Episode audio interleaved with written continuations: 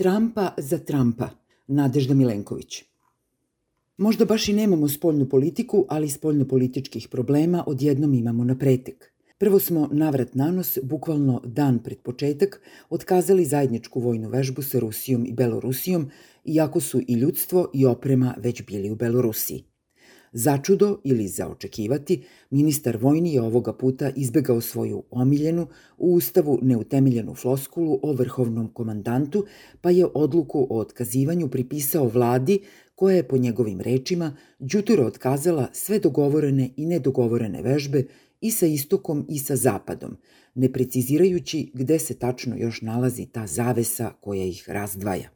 Potom je predsednik Srbije celu radnu nedelju presedeo na telefonu, osim kada je sedeo pred kamerama i po TV studijima i belosvetskim stubovima spoljne politike objašnjavao šta je i sa kim potpisao, a šta nikako nije potpisao, čak ni pod pretnjom koju je sam sebi uputio da ga mogu seći i motornom testerom.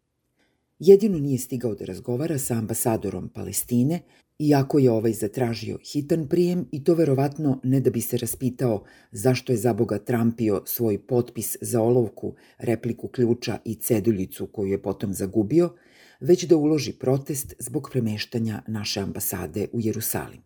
I kao da već nemamo dovoljno problema sa posledicama ove istorijske pobede Srbije u Vašingtonu, dobro, ne baš Srbije, već samo njenog predsednika, nego nas je sad snašla i ova nominacija za Nobela, čuj mene za Oskara. Nedugo pošto se Trumpovi zaslanik žalio po Twitteru da nigde u medijima nije ništa objavljeno o istorijskom dogovoru Beograda i Prištine, jedan švedski poslanik je nominovao vlade Amerike, Kosova i Srbije za Nobelovu nagradu za mir. Grenell se zatim žalio po Twitteru da ni ovu vest mediji nisu preneli. Dobro, jeste neobično da neko nominuje vlade, a ne ličnosti, ali kako je mogao da imenuje vladu Srbije za Boga? Pa znali on da mi nemamo vladu, evo već skoro četiri meseca od izbora. Doduše, nemamo ni predsednika parlamenta, a ni opoziciju u parlamentu, ali to je druga priča. Što je još važnije, ako nominacija i bude prihvaćena, a nagrada i dodeljena, kako će biti uručena predsedniku Srbije. Šta, treba da po ugledu na Putina i Medvedeva Trumpi svoju predsedničku funkciju za premijersku samo da bi primio Nobela. Sa druge strane, što pa i da ne. Trumpio se sa Trumpom za džinđuve.